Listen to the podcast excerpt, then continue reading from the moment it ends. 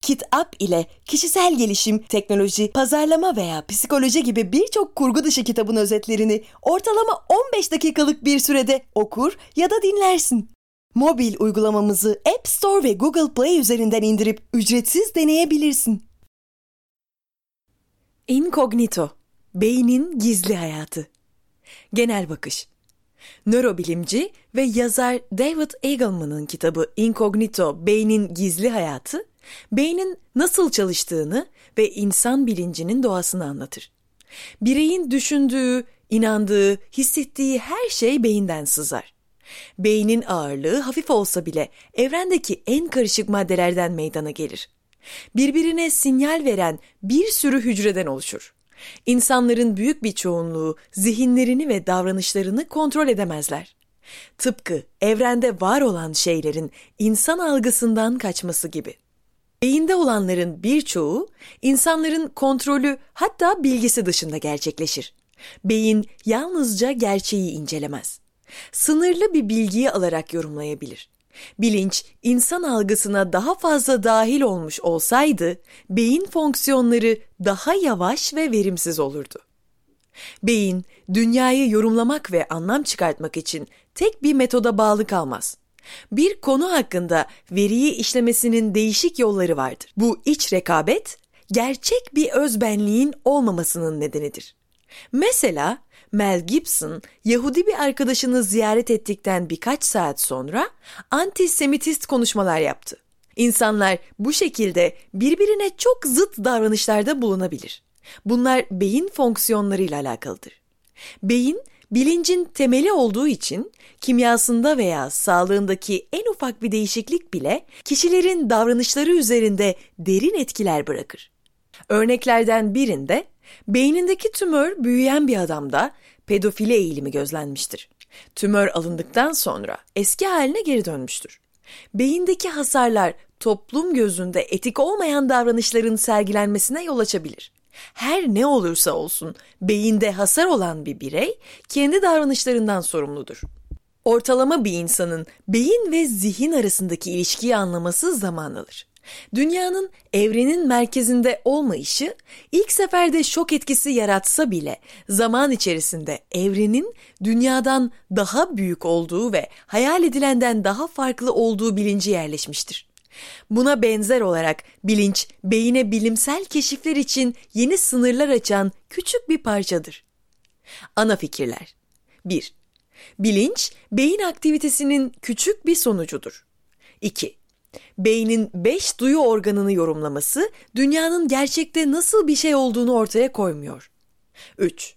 Gerçekliğin nesnel bir değerlendirmeden ziyade insandaki zaman duygusu beyin tarafından oluşturulur. 4. İnsanlar için beyinlerinde olan bitenden habersiz olmaları daha iyi. 5. Evrim tarafından tanımlanan hedefler insan düşüncelerini ve duygularını şekillendirir. 6. İnsan beyni bilgiyi yorumlamak için birbiriyle çakışan çoklu işlemler arasındaki rekabetten faydalanmak için gelişmiştir. 7. Aynı anda çalışan zihinsel süreçlerde insanlar beyinde gerçek bir özbenliğe sahip olduklarını söyleyemezler. 8. Zihin fiziksel anlamda beyne bağlı olduğu için beynin kimyasındaki küçük değişiklikler davranışları hatta kişilikleri değiştirebilir. Ana fikir 1. Bilinç, beyin aktivitesinin küçük bir sonucudur. İnsanlar genellikle beyin aktivitelerinin büyük bir bölümünü kontrol edebildiklerine inansalar bile bilinç beyin fonksiyonlarında küçük bir oyuncudur. Bilinç aslında bir gemiye benzer. Geminin tamamına yakını fonksiyonunun otomatiğe alındığı anda gemiye sizin yön verdiğinizi zannetmeniz gibidir. İnsanların uykusunda bile gösterdikleri otomatik davranışlar, nefes alma gibi, haricinde beynin bilinçsiz tarafı ön yargı gibi tehlikeli davranışlara şekil verir. Shankar Vedantam'ın Saklı Beyin kitabında yazdığı gibi bilinçsiz ön yargılar insanların düşüncelerini şekillendirir. Vedantam, psikolog Michelle Hebel tarafından düzenlenen ve kilolu insanların işe alım sürecinde nasıl ön yargılarla karşılaştıklarını ortaya koyar. Bir işe alım deneyinde iş görüşmesine gelen adayın tek başına oturduğunu ve daha sonrasında kilolu bir insanın yanında oturduğunu görenler arasında düşünce farklılığı olmuştur. Kilolu insanın yanında otururken dışarıdan görenler adayı kişisel becerileri ve profesyonelliği eksik olarak tanımlamıştır. Dış görünüş bir ön yargıdır ve herkes için önemlidir. İş yetkinliği ve işe uygun olmayışını sorgulatacak kadar. Ana fikir 2. Beynin 5 duyu organını yorumlaması dünyanın gerçekte nasıl bir şey olduğunu ortaya koymuyor. Yaygın yanılgılardan bir tanesi insan gözünün kamera gibi davrandığı ve beyne dünyayı olduğu gibi göstermesidir. Ancak beyin gözün dünyadan topladığı veriyi işler. Bu sebepten dolayı beyin yanılabilir. Halüsinasyonlar beynin yarattığı gerçekten ayrı duran yanılgılardır. İnsanların gördükleriyle nesnel gerçeklik çoğu zaman zıtlık yarattığı için adalet sisteminde ciddi sorunlara yol açmıştır. DNA kanıtlarının yaygın şekilde kullanılmaya başlamasıyla savunma avukatları cinayet suçlarını çözmeye başladılar ve görgü tanıklarına olan güven azaldı. Görgü tanıklarının güvenilmez olmaya başlamasının diğer bir nedeni de bu işin son derece stresli bir deneyim olmasıdır. Stres altında bir yere odaklanırken başka şeyler gözden kaçabilir. Örneğin bir hırsızın elinde silah varsa, görgü tanığı silaha odaklanırken hırsızın yüzünü incelemeyi kaçırabilir. Bunun yanı sıra beyin aslında orada olmayan başka detayları da yaratmaya başlayabilir. Görgü tanığı, soygun esnasında hırsızın elinde silah olmasa bile silah gördüğünü söyleyebilir.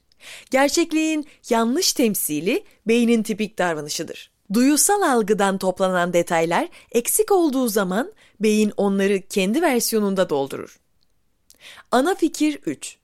Gerçekliğin nesnel bir değerlendirmesinden ziyade insandaki zaman duygusu beyin tarafından oluşturulur. İnsanların canlı olarak algıladıkları aslında gecikmeli yayınlardır. Beyinden geçen sinyaller eski elektroniklerdeki bakır tellerden geçen sinyallerden milyon kat daha yavaştır. Diğer duygusal girdiler gibi zaman algısı da manipüle edilebilir. Nörolojik çalışmalara göre memelilerin beyinlerinin zamanı algılama biçimiyle boşluk ve uzayı algılama biçimleri paralellik gösterir. Boston Üniversitesi'nden Howard Eichenbaum, farelerin koşarken zamanı nasıl algıladıkları üzerinde beyin sensörlerini kullanarak deneyler yaptı. Fareler 15 saniye boyunca koşarken sensörler beyinlerindeki hangi alanların ve ne zaman aktif hale geldiğinin ölçümlemesini yaptı. Koşu bandındaki süreleri uzadıkça yeni zaman dilimini algılamak için nöronları harekete geçti. Eichenbaum'un bu çalışması nörobilim literatürüne katkıda bulunmaktadır. Ana fikir 4. İnsanlar için beyinlerinde olan bitenden habersiz olmaları daha iyidir. İnsan beyninde bilinç bir hareket tarzı belirler ve beyin bunu başarmak için bir dizi otomatik davranış sergiler. Bilinç, beynin yaptığı her şeyi ikinci olarak tahmin ederse, beyin fonksiyonları yavaş yavaş verimsiz hale gelir. Düşüncelerinin zihinlerini bulandırmasına sebep olacak fizyolojik duruma sahip bireylerde, bilinç fazlalığının bireyin günlük yaşamını engellediği deneyimlenmiştir. Jill Price bunlardan birisi. Price, hipermestik adı verilen sendromu yaşayan ilk insan. Beyni normal insanlardan biraz farklı ve bu farklılık diğer insanlardan daha fazla anıyı hatırlamasına sebep oluyor. 1960 yılından beri her bir detayı gününe, haftasına, hava durumuna ve o gün ne yaptığına kadar hatırlıyor. Anısına yazılan Unutmayan Kadın kitabında Price kendi hafızasını kontrolsüz olarak tanımlamıştır ve şöyle söylemiştir. Hafızam adeta film şeridi gibi. Kafamın içerisinde durmadan dönen, sürekli ileri ve geri giden, tüm yılları dolaşan ve beni istediğim zamana götüren bir sistem. Buna ek olarak bir sonraki aşamada ne hatırlayacağımı hiçbir zaman bilemiyorum ve hatırladığım her şeyi iyi ya da kötü hislerle yaşıyorum diye eklemiştir asla unutmayan bir beyin fikri daha gelişmiş bir insan formu gibi görünse bile Price'ın deneyimine göre sınırlı hafıza daha yararlıdır. Ana fikir 5. Evrim tarafından tanımlanan hedefler insan düşüncelerini ve duygularını şekillendirir. İnsan her zaman güçlü ancak açıklanamayan hisler ve duygular deneyimler. Şimdilik birçok insan kendilerini başka insanlara bağlı hissederler. Ancak bunun neden dolayı olduğuna emin olamazlar. İşte bu his evrimin duyguları şekillendirdiğini gösterir. Bazı insanlara yaklaştırırken bazı insanlardan uzaklaştırır. Davranışlarla bağlantılı memnuniyet veya acı hissi insanlara evrimin ne yapmaları ve ne yapmamaları gerektiğini dikte eden bir kavramdır. Psikolojik bir durum olan depresyon bile insanlara evrim sürecinde avantaj sağlar. 2012 yılında Dr. Andrew Miller ve Charles Raisin depresyonla ilgili ilişkili olan genlerin bağışıklık sistemi üzerinde etkisi olduğunu gözlemlediler. Miller'a göre geçmiş dönemde bu genlere sahip olanların bulaşıcı hastalıklardan kurtulma şansları daha fazla. Depresyonun belirgin özellikleri arasında yer alan enerji kaybı, sosyal hayattan kopukluk aslında bulaşıcı hastalıkları engelliyor. Enerjiyi azaltmak kişinin vücudunda daha fazla enerji depolamasına yol açıyor. Böylelikle enfeksiyonla savaş kuvvetleniyor. Buna benzer olarak sosyal hayattan kopukluk da enfeksiyona yakalanma ve başkalarına bulaştırma riskini azaltıyor. Michigan Üniversitesi'ndeki araştırmacılar depresyon ve bağışıklık sistemi arasında genetik bir bağlantı olduğunu ortaya koydular. Çalışmaları depresyon geçirenlerin mutasyona uğramış NPY genine sahip olduğunu ortaya çıkarttı. Ancak NPY geninin normal versiyonu bireyin depresyona girme olasılığını düşürüyor. Mutasyona uğramış versiyonu ise kişinin strese dayanıklılığını artırmıyor ancak enfeksiyon riskini artırıyor. Ana fikir 6. İnsan beyni bilgiyi yorumlamak için birbiriyle çakışan çoklu işlemler arasındaki rekabetten faydalanmak için gelişmiştir. Karar alma anında insan beyni duygusal ve rasyonel süreçlerin ikisinden de yardım alır. Sonunda bir seçim yapılacağı zaman insan duygusal taraftan etkilenebilir ancak diğer taraftan da beynin içsel çatışması evrimsel bir avantaj sağlamaktadır. Bir karar alındığında insanlar sadece sebep ve akla güvenseydi diğer ülkelerle veya kültürlerle savaşmak daha kolay ve yaygın olacaktı. Bunun yerine insan beyninin duygu ve aklı birlikte kullanması daha faydalıdır. Aksi etkileri yıkıcı olur. Her insan karar verme sürecine duygularını katmaz. İnsan nüfusunun yaklaşık yüzde biri psikopattır. Bu da onları sosyal ilişki kurmak veya diğer insanlarla empati yapmaktan ayrıştırır. Psikopatların beyinleri karar alma sürecinde duygusal değil, mantıksal olarak çalışır. Ama bazı bilim insanları psikopatların beyninde sapma olduklarını düşünürler. Bunlardan biri olan Robert Hare ki kendisi psikopatlığı ölçümlemek için 20 soruluk bir çalışma geliştiren psikologdur. Discover dergisine konuyla ilgili yaptığı açıklamasında şunu söyler. İnsanların büyük bir çoğunluğu üreme stratejisini geliştirir. Çocuk yapar, onları besler ve büyütür. Psikopatlarınsa orantısız şekilde fazla çocuğu vardır ve genelde onları erken yaşta terk ederler. Bu şekilde genlerini yaymaları ahlak dışı bir yöntem olsa bile etkilidir. Hare aynı zamanda psikopatların beyinlerinin diğer beyinlerden ayrıştığını ve ilkel davranışlara oldukça uygun beyinler olduğunun altını çizmektedir. Psikopat bir beyin kimseye güvenilmeyecek ortam ve tehlikeli çevrelerde hayatta kalmaya daha müsaittir. Ana fikir 7 aynı anda çalışan zihinsel süreçlerde insanlar beyinde gerçek bir özbenliğe sahip olduklarını söyleyemezler. Sarhoşluk anlarında olduğu gibi birey zihin kontrolünü kaybettiğinde aslında gerçek kendisinin ortaya çıktığına dair yaygın bir inanış vardır. Mesela tanınmış kişilerin bazıları ırkçılığı savunan açıklamalar yaptıklarında gerçek benliklerinin ortaya çıktığı söylenir. Beynin aynı anda çalışan birden fazla süreç vardır.